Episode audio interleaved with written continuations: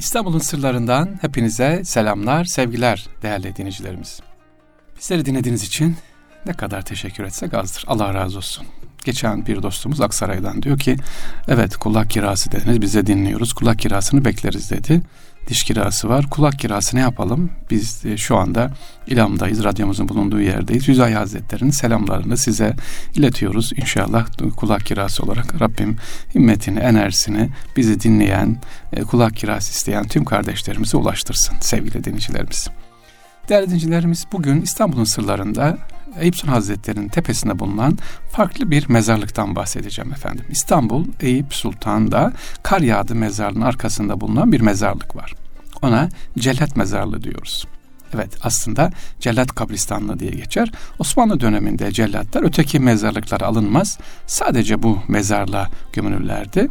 E, cellat mezarlarının mezar taşlarında hiçbir şey yazılmaz, boş bırakılırdı. Şimdi diyeceksiniz ki niye öyle? Hem ayrı yere defnediliyor, niye yazı yazılmıyor?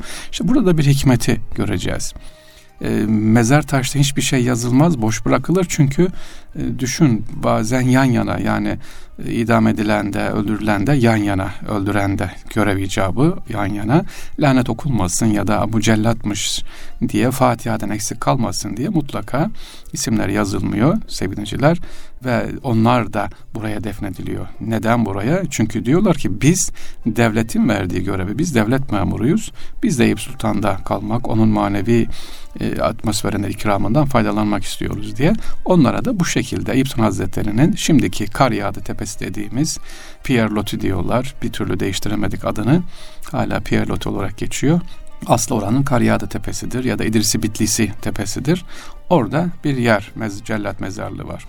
Osmanlı'da halk İslam dininin adam öldürme yasaklaması can alan bu kişilere toplum tarafından hoş bakılmaması nedeniyle birçok insanı duygu ve özelliklerden e, yoksun olan acıma, merhamet ve sevgi hisleri buna etkilenmesin diye özellikle kendi aralarına bu şekilde bir de dediğim gibi beddua okunmasın diye ayrı bir şekilde buraya defnedim. Şimdi e, geçtiğimiz günlerde gittim sevgiliciler bu Kariyada Tepesi'ne.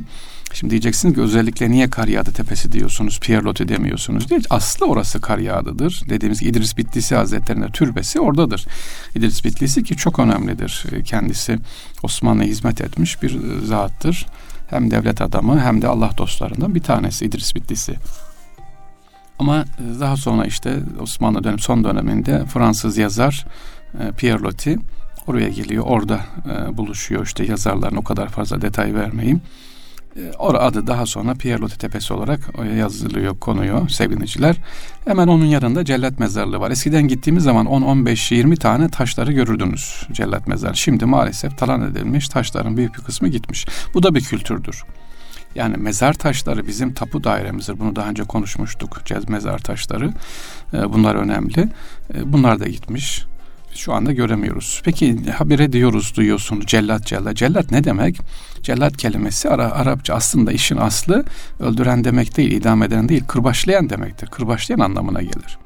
İlk başlarda sadece kırbaç cezalarını, kırbaç cezalarını uygulayan e, bu devlet görevleri daha sonra diğer devletin verdiği cezaları uygulamaya başladılar. Osmanlı sultanları ve şehzadelerin kanı dökülmez e, yay kirişi ve ip veya kementle e, boğularak idam edilirdi.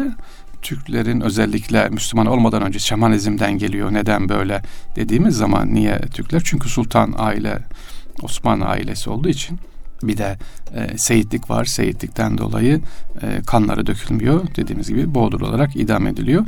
Doğan Avcıoğlu hocamız var. Türklerin Tarihi adlı eserin ikinci cildinde e, şamanist Türkler kan akıtarak öldürmekten çekinirler. İşte Osmanlı padişah ve şehzadeleri de diyor bu şekilde boğularak idam edilirdi diye kitabında geçmiş. İstanbul'da hep dedi, az önce dedim Kariyada Tepesi'nde var. E, aslında Cellat Mezarlığı iki yerde var. Bir Haldun Hürel İstanbul'u geziyorum gözlerim açık adlı eserinde. Bunlardan bir Edirne Kapı'dan Aymansar'a inen Karasurların Eğri Kapı civarında olduğunu yazar. Diğer bir Cevrat Mezarlığı da az önce bahsettiğim gibi Eyüp Sultan'da olan bir yer. Şimdi e, burası İstanbul'un en uç noktası. Kuş uçmaz, kervan geçmez, kimsenin uğramadığı, doğru dürüst yolu olmayan yabani ağaçlar içerisinde o zaman ürkütücü bir yerdi o zamanki ama dediğim gibi niye burada? Eyüp Sultan türbesi burada, makamı külliyesi burada. Onlar da e, burayı istiyorlar. E, bu mezar taşlarının üzerinde hiçbir doğum tarihi, ölüm tarihi isim yok. Bu taşlar 2 metre yüksekliğinde ve 40-50 santimetre genişliğinde dikdörtgen şeklindedir. Birçok insan bu taşların bir mezarlıkta ne aradığını diye ya da neye dikildiklerini bilmez ama e, sorduğunuz zaman bunlara dikkat edin. Bunun bir açıksına Hacı Kaval Müzesi gibi korunması lazım. Dediğim gibi bu taşlar da değerli. Bu da bir kültür, bu da bize bir emanet. Şu anda bunları yok, göremiyoruz. Evet sevgiliciler İstanbul'da bir mezarlıktan bahsettik. Cellat Mezarlığı Eyüp Sultan'dan ve Eğri Kapı'nın girişinden bahsettik. Eyüp Sultan Hazretleri'nin bulunduğu yerde gittiğiniz zaman tam Karyadı Tepesi'nde İdrisi Bitli Hasisi Hazretleri'nde türbesi var. Onu da ziyaret edersiniz. Zaten Eyüp Sultan Hazretleri'ne gidiyorsunuz ama ben hemen şunu da söyleyeyim sevgiliciler. E, sadece Eyüp Sultan Hazretleri'ni ziyaret edip çıkmayalım. Orada birçok e, Allah dostları var. Osmanlı hizmet etmiş. E, Cumhuriyet'in ilk yıllarında mesela Maraşal Fevzi Çakmak var. Bunları da ne yapalım oraya gittiğimiz zaman ziyaret edelim.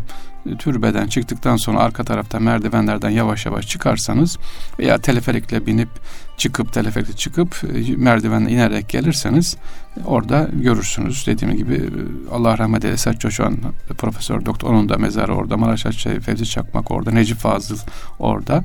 Bunun gibi birçok orada yüzden fazla e, Osmanlı döneminde olsun, Cumhuriyet'in ilk dönemleri olsun hizmet etmiş e, şairler, yazarlar, din adamları, devlet adamları orada var.